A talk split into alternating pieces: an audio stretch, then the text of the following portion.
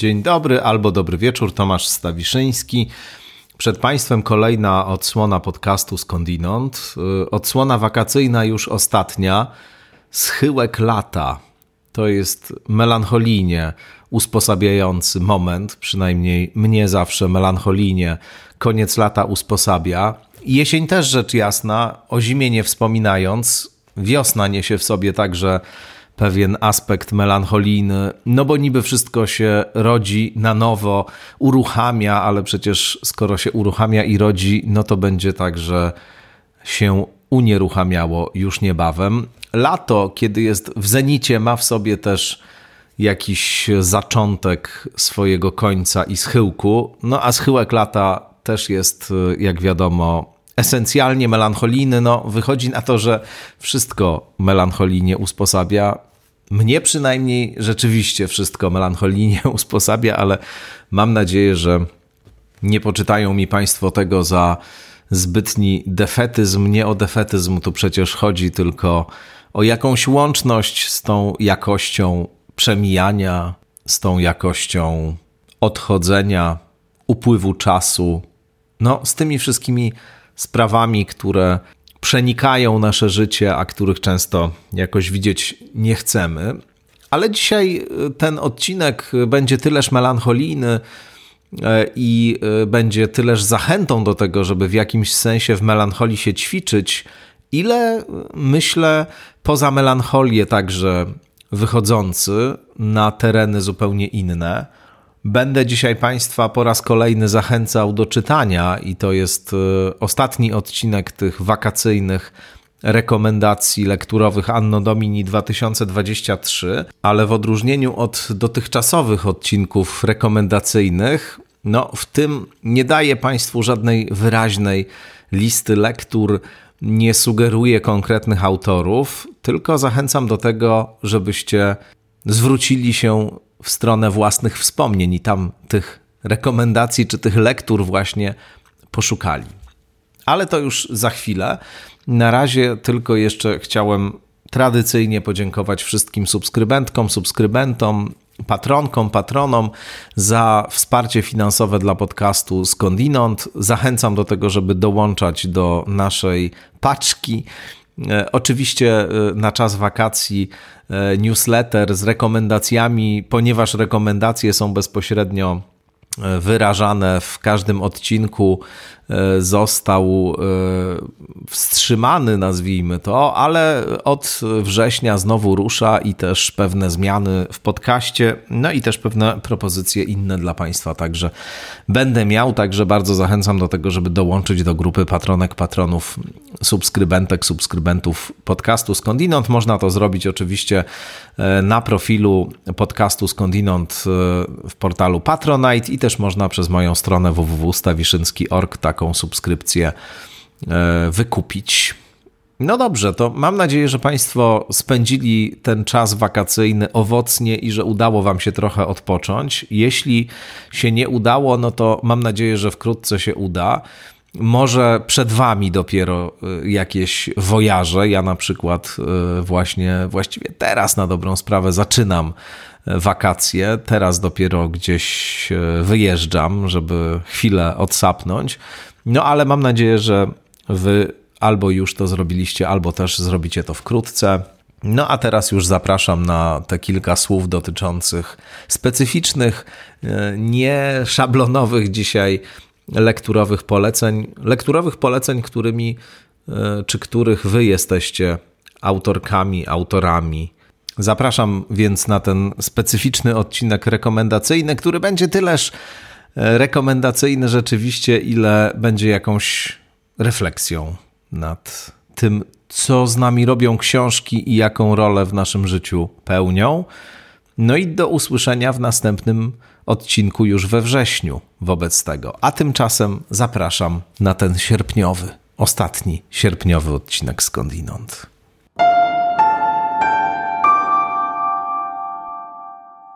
Dzisiaj, jak już powiedziałem we wstępie, nie rekomenduję Państwu żadnej konkretnej lektury, dlatego że to Wy będziecie wiedzieli na pewno, po jaką lekturę u schyłku wakacji, u schyłku lata sięgnąć.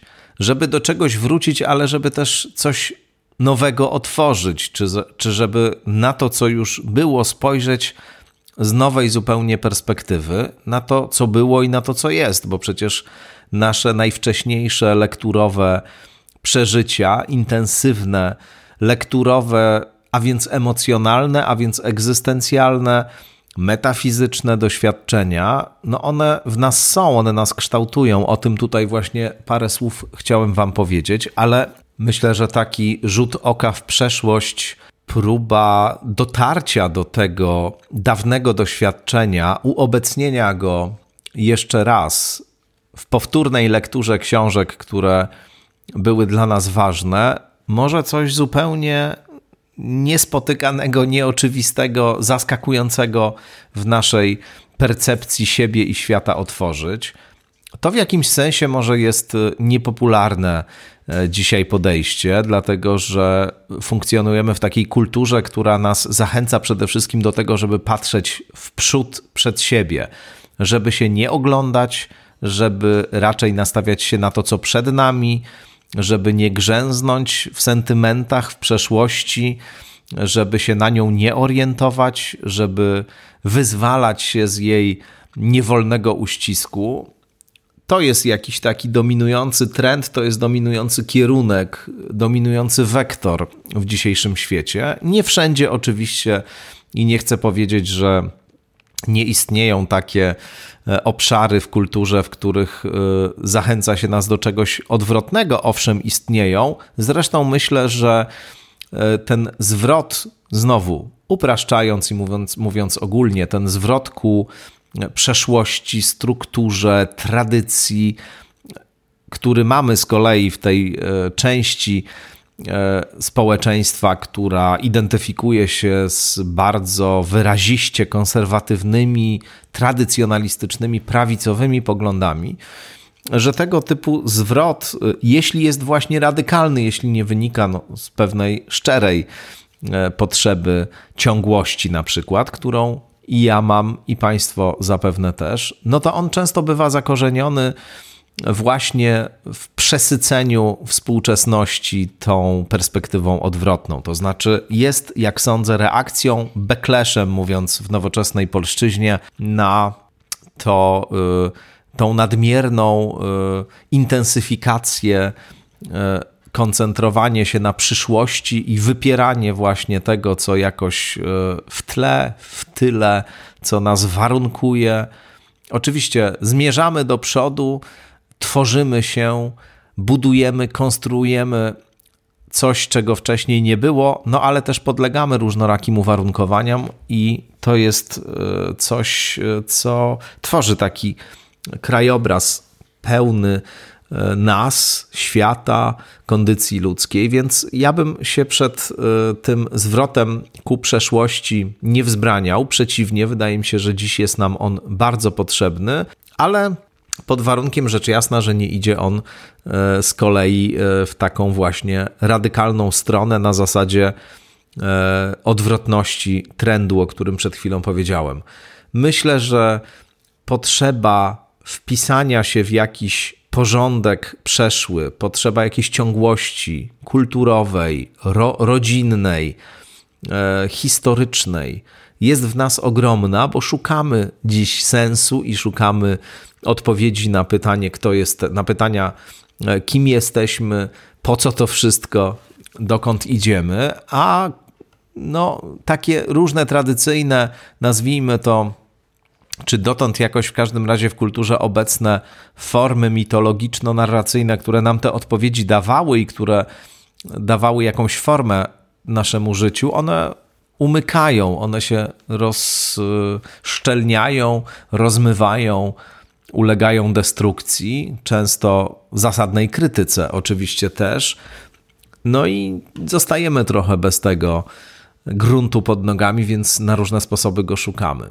Myślę, że ten eksperyment, który chciałbym dzisiaj Państwu zaproponować, bo to w zasadzie nawet nie jest kwestia e, rekomendacji lekturowych, tylko pewnego eksperymentu, który sam na sobie przeprowadziłem najpierw, to jest coś takiego, co może jakąś wiązkę, jakąś porcję sensu Wam dostarczyć, co może stać się dla Was jakąś formą doświadczenia czegoś nieoczywistego, ale wnoszącego jakiś wymiar może nie tak wyraźny czy nie tak widoczny na co dzień w tym zabieganiu codziennym, w tym rytmie codzienności, w jakim funkcjonujemy.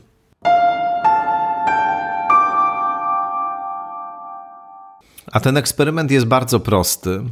Weźcie książki, które czytaliście w dzieciństwie, we wczesnej młodości, które, nie wiem, w wieku lat 10, 15, może nawet 16, 17, 18 były istotne dla Was, ważne, które Was jakoś ukształtowały, których lektura wtedy dostarczyła Wam wyjątkowo intensywnych emocji, które po prostu były dla Was wciągające, interesujące, od których nie mogliście się oderwać, które dla Was były czymś, co przewyższało wszystkie inne możliwe atrakcyjne rozrywki i zabawy weźcie te książki, to nie muszą być wszystkie. To może być coś takiego, co akurat gdzieś jest pod ręką, albo co w pierwszej kolejności wam się nasuwa na myśl.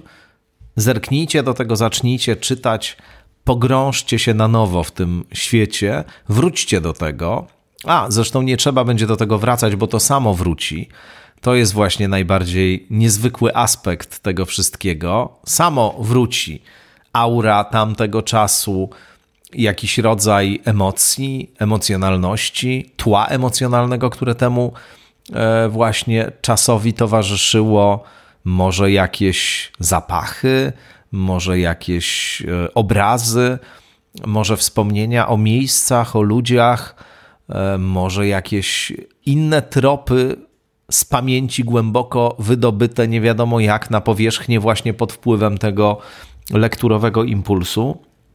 U mnie w każdym razie tak właśnie e, się stało. Ja zresztą bardzo często wracam do różnych dawnych lektur, do tego, co było. Wracam często do miejsc, do książek, e, do utworów muzycznych, do wszystkiego tego, co jakoś gdzieś w moim życiu istotną rolę odegrało. I za każdym razem taki powrót, nawet jeśli jest to spacer na przykład po chomiczówce, na której się wychowałem, e, a takie spacery sobie regularnie odbywam, kiedy przyjeżdżam z wizytą do mojej mamy. Nawet taki spacer e, po chomiczówce, po tych wszystkich miejscach, które kiedyś były dla mnie tak istotne, w których tyle się działo, w których różne e, pierwsze doświadczenia miały miejsce, jak to śpiewał Sidney Polak w kultowym utworze Chomiczówka. Ja potwierdzam jako mieszkaniec Chomiczówki rdzenny, że to wszystko, co Sidney Polak tam zaśpiewał, to jest prawda. To jest piosenka złożona z różnych opowieści i o miejscu, i o ludziach, którzy to, to miejsce kiedyś tworzyli, i rzeczywiście e, wszystkie te historie przez Sidneya Polaka tam opisane to są także historie, które znam, to są miejsca, które znam, to są doświadczenia, które znam. Piękny utwór zresztą, czysta nostalgia, ale też e, coś takiego, co wiąże się właśnie z e, no, pamięcią o, o, o miejscu, o, o czasie, e, któreś, którą to pamięć się później niesie i która w człowieku na zawsze zostaje, no bo te doświadczenia w nim na zawsze zostają. No więc Rzeczywiście e, ja akurat bardzo często do tego wszystkiego wracam, ale też do tego Was zachęcam, żeby powrót e, miał miejsce tym razem za pośrednictwem lektur, właśnie. A zainspirowało mnie do tego, żeby właśnie w ten sposób e, dziś Państwu tutaj te rekomendacje sformułować. Coś oczywiście z mojego bezpośredniego, niedawnego własnego przeżycia. Otóż zastanawiałem się długo, co E, tutaj tym razem Państwu zarekomendować. E, jak dotąd e, i w zeszłym roku, i w te wakacje sugerowałem Wam konkretne tytuły i konkretnych autorów, autorki. No ale tutaj, choć miałem już przygotowaną całkiem sporą listę różnych kandydatur na to, co u schyłku lata dobrze by było przeczytać, to byłem pod wpływem, myśląc właśnie o tym, dość intensywnej ponownej lektury książki, którą właśnie, kiedy moją mamę ostatnio odwiedziłem, znalazłem w tak zwanej pakamerze. Tam różne moje dawne książki jeszcze się znajdują, takie, które w dzieciństwie intensywnie czytałem. Całkiem spora jest to biblioteczka, no bo sporo czytałem, ale e, niezwykle istotne miejsce w tej bibliotece, niezwykle istotne miejsce w bibliotece w sensie fizycznym, ale i bibliotece, nazwijmy to mentalnej, zajmuje oczywiście autor, który Myślę, że dla ludzi z mojego pokolenia, ale myślę, że też dla ludzi z młodszego pokolenia, e, może nawet dzisiaj, e, tego dokładnie nie wiem, przez młodzież jest czytany z taką samą wielką pasją, jak e, w moim, moich czasach, czy w czasach mojej młodzieżowości, czyli Edmund Niziurski. Ja byłem absolutnym, oddanym fanem i czytelnikiem Edmunda Niziurskiego. Przeczytałem chyba wszystko, co tam było do przeczytania. Niektóre książki czytałem po kilka razy. Uwielbiałem na przykład e, Siódme Wtajemniczenie. To była chyba moja ulubiona e, książka Niziurskiego.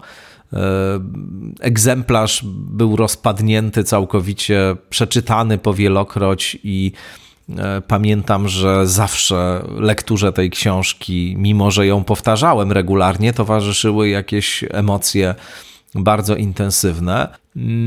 Księga Urwisów, Szkolny Lud Okulla i ja, przygody Marka Piegusa, Sposób na Alcybiadesa. No, długo mógłbym wymieniać takie książki, które e, miałem zawsze na podorędziu i które ciągle mi towarzyszyły i do których właśnie nieustannie wracałem. To był rzeczywiście autor, który był dla mnie jednym z ulubionych, ukochanych z różnych powodów. E, oczywiście. Przede wszystkim ta sceneria szkolna, e, ci bohaterowie, którzy jakoś, mimo że funkcjonowali w trochę innych czasach, no to byli do mnie e, podobni. Myślę, że oni byli bardziej do mnie podobni, kiedy miałem lat powiedzmy 11, nie wiem, 10, 11, 12, 13, kiedy te książki czytałem niż e, są podobni do tych e, dzisiejszych 10, 11, 12, 13 latków, no bo to wciąż były czasy, mówię o swoich latach e, z tego okresu, wciąż były czasy analogowe, to wciąż były czasy, w których rewolucja cyfrowa nie była jeszcze nawet na horyzoncie. I świat bohaterów Niziurskiego też jest światem analogowym.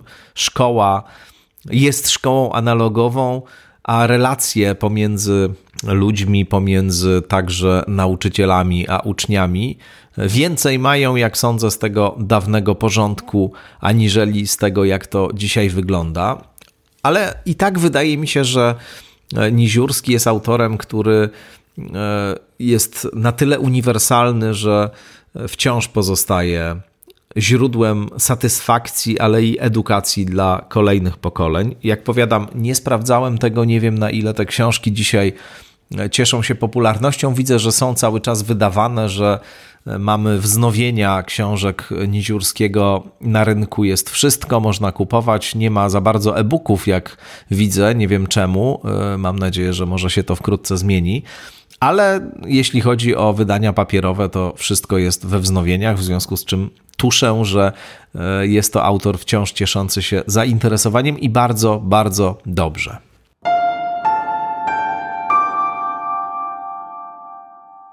No i całkiem niedawno, tak jak wspomniałem, wskutek e, przeglądania mojej e, dziecięcej biblioteczki, dziecięco-młodzieńczej, będąc ścisłym, trafiła w moje ręce książka, którą czytałem też wiele, wiele razy E, którą znałem prawie na pamięć i do której wracałem e, bardzo często.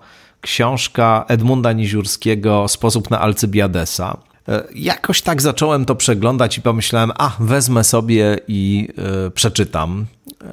Zobaczę, jak to dzisiaj się czyta, jaki miałbym do tego dzisiaj stosunek, czy to mnie rzeczywiście tak wciągnie, jak e, wciągało wcześniej, kiedyś, czy też może zupełnie inaczej na to spojrzę. No i zacząłem czytać, i muszę Wam powiedzieć, że wpadłem w to totalnie. Przemknąłem przez tę lekturę. No i przyznam szczerze, że pod wieloma względami było to bardzo interesujące przeżycie. Po pierwsze, dlatego, że e, wróciłem do tej książki, przypomniałem ją sobie, zobaczyłem, że choć miałem e, wrażenie, że dobrze ją pamiętam, to nie pamiętałem całej masy e, bardzo zabawnych powiedzonek, całej masy niuansów, całej masy różnych ciekawych sformułowań tekstów, postaci świetnie narysowanych. Po drugie, dlatego, że i to jest chyba coś takiego, co było najciekawsze i do czego właśnie chciałbym Was zachęcić, do tego, żebyście poszli tą drogą i też spróbowali przyjrzeć się tym wczesnym lekturom i sobie pod tym kątem. Otóż po drugie, dlatego, że zobaczyłem, w jak ogromnym stopniu te książki Niziurskiego, potem sobie oczywiście po Alcybiadesie sięgnąłem też do innych, do Siódmego Wtajemniczenia, do Szkolnego Luda, do Księgi Urwisów, właśnie do Piegusa i innych. Otóż spostrzegłem, jak głęboko te książki mnie ukształtowały. Jak wiele z tego, co dzisiaj myślę, jak przeżywam świat, jakich używam sformułowań, jakim językiem się posługuję, jak wiele z tego jest tam właśnie. To było naprawdę dla mnie bardzo odkrywcze i takie zaskakujące nawet w jakimś sensie przeżycie. No bo zobaczyłem teraz Niziurskiego, tego autora, którego tak intensywnie czytałem w dzieciństwie, jako autora, który mnie uformował, jako autora formacyjnego zatem, to znaczy jako kogoś, kto nie tylko jakoś wpłynął na moją perspektywę patrzenia na rzeczywistość, jakoś ukształtował na przykład moje poczucie humoru, pewną taką czujność językową, e, sposób formułowania myśli w języku, ale właśnie kto e, no, w takim głębokim sensie ukształtował e, moją wrażliwość, moje myślenie, moje odczuwanie. To było naprawdę coś takiego, co było wartością, powiedziałbym, dodatkową i, i, coś, czego się nie spodziewałem w trakcie tej lektury. No bo, jak powiadam, wziąłem te książki z takich pragmatycznych czy nawet pragmatystycznych pobudek, no i zacząłem sobie je przeglądać zupełnie bez jakiegoś wielkiego e, zacięcia, a tu nagle odsłoniła się przede mną cała jakaś rzeczywistość, która e, niby była, niby jest oczywista, a zarazem nie uświadamiałem jej sobie w takim stopniu. Jak się o tym mówi, to może się wydawać oczywiste. Może niektórzy z Państwa mają taką myśl, no, co w tym takiego jakiegoś specjalnego? Tak, wiadomo, książki nas kształtują, książki wpływają na to, jak widzimy świat, jak myślimy, jak mówimy. To prawda, to wszystko prawda, to się wie, natomiast jak się rzeczywiście sięgnie do tych lektur, jak się wróci do tego, co było formacyjne to jakoś na nowo wszystko zaczyna być dostrzegalne, zaczyna być obecne i zyskuje się niewątpliwie większą świadomość tego, e, co się myśli, co się mówi i skąd to wszystko się wzięło. Dla mnie rzeczywiście ten Niziurski był tego typu odkryciem. Poza wszystkim e, natomiast, e, poza tym, że właśnie to mi się jakoś ujawniło, no, poza tym to rzeczywiście zobaczyłem, jaki to jest. E, wiedziałem to rzecz jasna i, i to powszechnie wiadomo, ale znowu wrócić do tego e, i samemu to jakoś e, przeżyć, to jest co innego niż tylko czytać o tym gdzieś w jakichś opracowaniach czy tekstach. No więc zobaczyłem, jaki to jest naprawdę znakomity autor, jak te książki są świetnie skonstruowane, jaka tam jest e, maestria językowa, jakie tam są postacie, jakie tam są intrygi, jaka tam jest mądrość też. Mądrość nie tylko e, związana z tym, że się sporo można o rzeczywistości dowiedzieć, tamtej rzeczywistości, którą, e, która była miejscem akcji książek Niziurskiego, ale też o pewnych uniwersalnych aspektach każdej rzeczywistości, nie tylko tamtej ale też mądrość e, psychologiczna, e, związana z e, życiem, mądrość życiowa, mądrość związana z pewnym systemem wartości, jaki warto w życiu kultywować z taką nienachalnie podaną edukacyjną warstwą, która formuje ludzi, jak sądzę, uczciwych i przyzwoitych. Tamta strona edukacyjna jest bardzo silnie obecna w jego książkach i to też mi się bardzo podoba. Ale jest jeszcze jeden element, właśnie niezwykle interesujący, który też e, stanął mi przed oczami teraz dopiero, kiedy do tych książek z perspektywy czasu wróciłem, bo tego rzecz jasna z wielu różnych powodów wtedy, kiedy po raz pierwszy z tymi książkami się stykałem, nie mogłem jeszcze dostrzec. E, brakowało mi odpowiednich do tego narzędzi. Otóż zobaczyłem, że, że to jest też ktoś, kto w gruncie rzeczy mm, wcale nie pisze książek e, dla młodzieży wyobrażając sobie, że młodzież tego czy tamtego nie rozumie, tego czy tamtego nie wie, że należy przemawiać do niej jakimś specjalnie e, uproszczonym językiem, że pewnych problemów nie można poruszać. To są książki, które skrzą się od naprawdę wyrafinowanego humoru. Widać, że Niziurski bawi się różnymi e, kontekstami, że przywołuje różne tropy literackie, kulturowe, jest erudytą poza wszystkim rozległym, że umieszcza w tych książkach mnóstwo takich e, pereł e, porozsiewanych, które przypuszczam, że dla znacznej części tych czytelników e, nastoletnich czy, czy, czy we wcześniejszym wieku no, są zupełnie jeszcze nieczytelne, ale które właśnie gdzieś zostają, które które sprawiają, że lektura jest jakimś wyzwaniem. Jest tam na przykład mnóstwo takich sformułowań, tekstów przypomniałem to sobie, kiedy teraz czytałem tę książkę, których wtedy nie rozumiałem, e, które były dla mnie jakoś niejasne. Musiałem gdzieś sprawdzać w encyklopedii, w jakichś innych e, źródłach, e, co znaczą dane sformułowania, co znaczą dane słowa pytałem e, starszych o to, jak rozumieć jakiś zwrot, który tam się pojawiał. No rzeczywiście, jak teraz sobie zobaczyłem ten e, sposób na Alcybiadesa, to tam jest mnóstwo i zakamuflowanych cytatów z klasyki, e, i jakichś takich erudycyjnych dowcipów, i jakichś nawiązań, czy, czy takich sformułowań rodem z języka naukowego na przykład. Dalece nie jest to coś takiego, co rzekłbym e, znowu nowoczesną polszczyzną się posługując, defaultowo e, każdy młody człowiek ma na swoim podstawowym, bazowym, intelektualnym wyposażeniu, wręcz przeciwnie. I pomyślałem, że naprawdę ogromna była w tym mądrość i, i ogromna wartość tych książek, że one były wyzwaniem, że trzeba było przy ich lekturze z jednej strony niebywale wciągającej akcją, postaciami, narracją, e, z drugiej strony wymagającej właśnie, z drugiej strony stawiającej kolejne poprzeczki, e, kolejne etapy do przejścia, no trzeba się było nagłówkować trochę, trzeba było trochę posprawdzać. Jeszcze wtedy też nie było oczywiście Google'a e, i internetu, więc e, proces sprawdzania był niekiedy trudniejszy, bardziej czasochłonny, bardziej mozolny. Może nawiasem mówiąc, dzięki temu więcej wiedzy zostawało w głowie.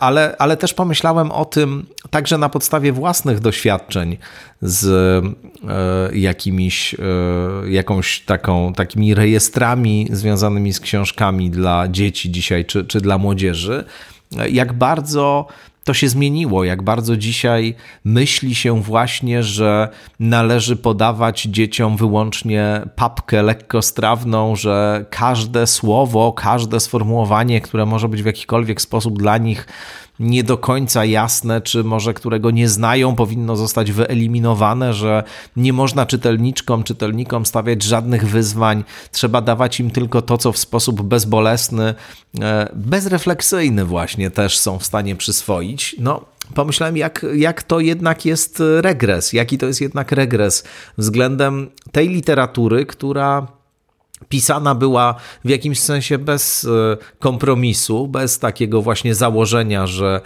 e, skoro młodzież będzie ją czytać, czy skoro ona do młodzieży jest adresowana, to powinna zostać okrojona z całego e, szeregu sensów, znaczeń, kontekstów, które w nim, w, te, w, te, w, tej, w tej literaturze można by było umieścić. No, jaki to jest regres względem tego, co dzisiaj często mamy? Nie wszędzie, oczywiście, to nie jest tak, że to jest 100%, bynajmniej. Natomiast rzeczywiście dzisiaj jest taka tendencja, wiem o czym mówię, jest taka tendencja do tego, żeby bardzo spłycać przekaz, żeby właśnie bardzo stawiać na coś, co w sposób e, bezkrytyczny, całkowicie e, i łatwy, prosty i przyjemny może zostać przyswojone.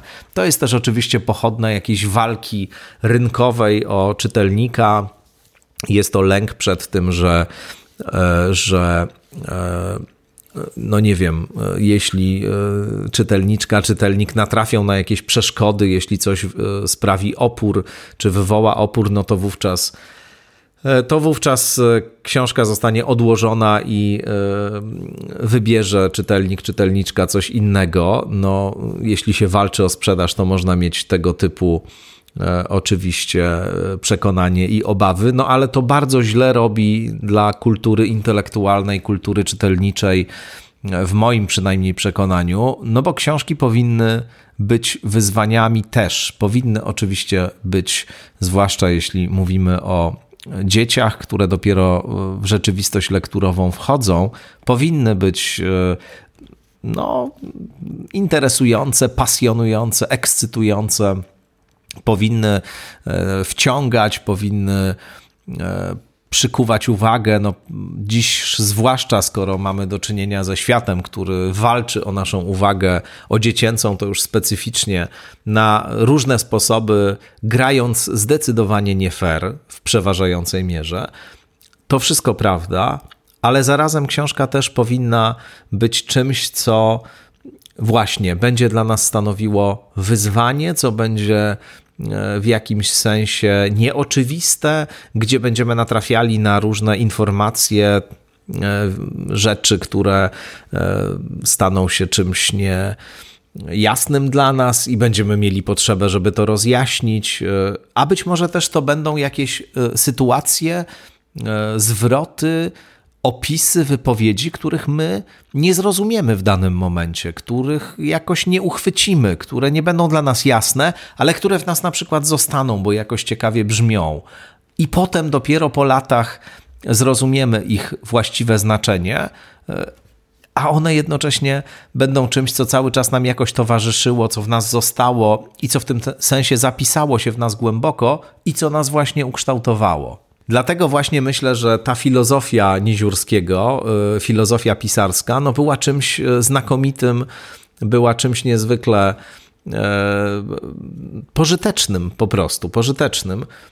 I życzyłbym sobie, żeby dzisiaj też y, autorzy, autorki takiej literatury podobnie o niej myśleli, a nie tylko byli skoncentrowani na tym, żeby właśnie jakieś takie wartkie strumienie, które się wchłania bezkolizyjnie produkować.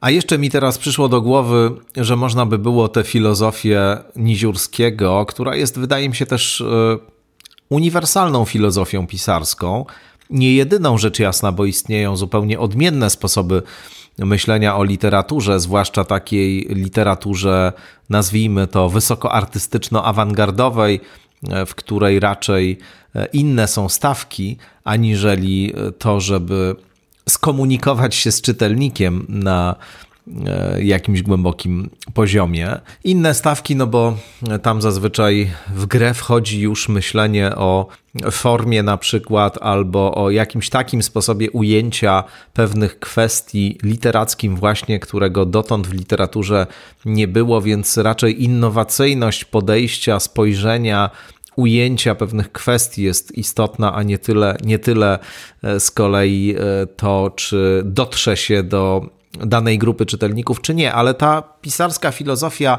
Niziurskiego, autora, który pisał książki po to, żeby ludzie te książki czytali i żeby e, przeżywali różne emocje w trakcie tej lektury, żeby czegoś się dowiadywali o świecie, ale też po prostu miło spędzali czas, żeby to im dostarczało satysfakcji, radości i rozrywki.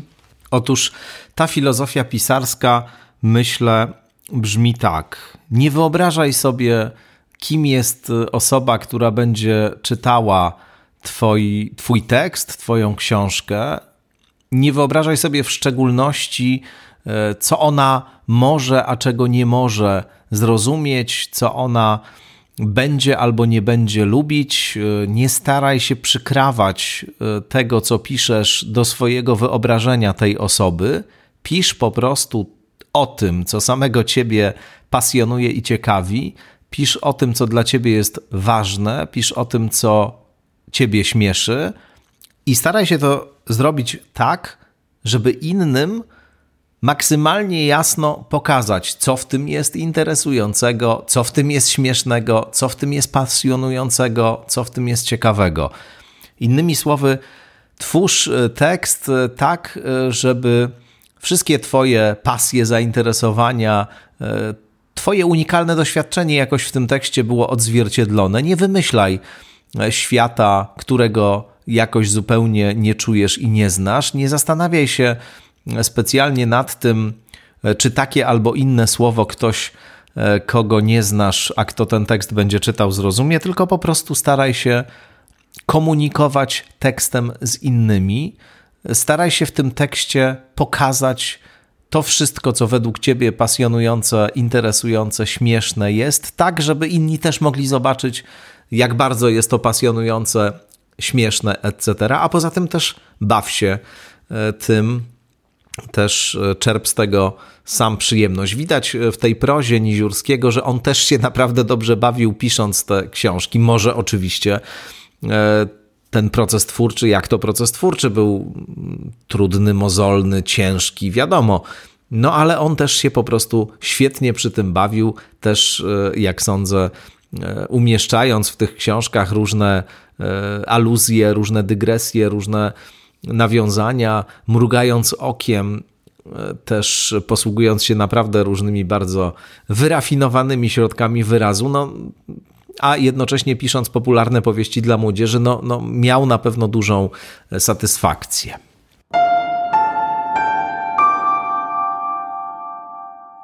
No cóż, myślę, że nie tylko dla mnie Niziurski był autorem formacyjnym. Nie tylko ja w dzieciństwie, we wczesnej młodości, późniejszej młodości też zaczytywałem się Niziurskim. Myślę, że jest nas więcej, ba, jestem pewien, że jest nas więcej. Jestem pewien, że teraz mnóstwo osób. Yy, przypomina sobie wieczory, poranki, południa spędzane na lekturze książek Niziurskiego, zwłaszcza w wakacje.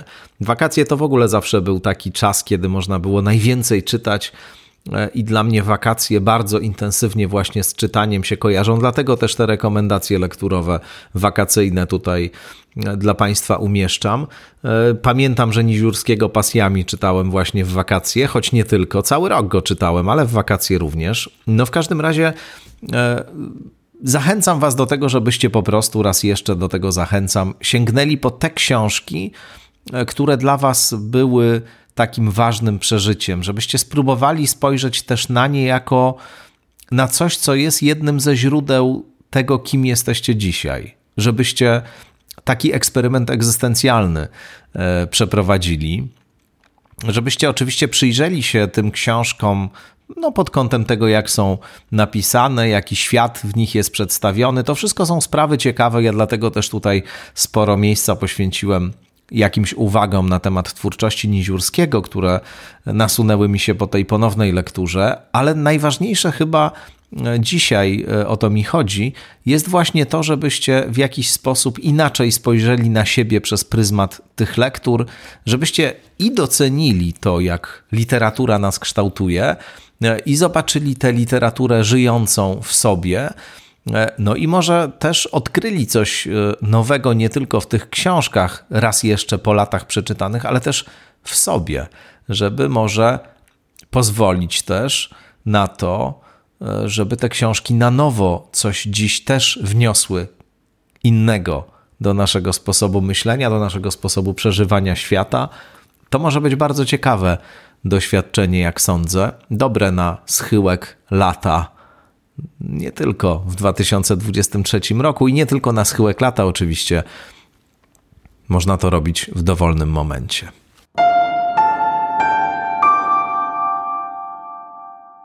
Bardzo dziękuję za to, że Państwo chwilę tutaj ze mną spędzili, za to, że wysłuchaliście tych kilku refleksji sentymentalnych, y, które kierują w przeszłość, ale też ku teraźniejszości przecież się zwracają. No i zachęcam do czytania, rzecz jasna, zachęcam do tego eksperymentu, o którym tu dzisiaj mówiłem, a my słyszymy się we wrześniu skądinąd. Życzę Państwu owocnego schyłku lata wobec tego, owocnych lektur, no i owocnych eksploracji swoich przestrzeni wewnętrznych, wyobraźni, emocji, skojarzeń. Do usłyszenia. Wszystkiego dobrego.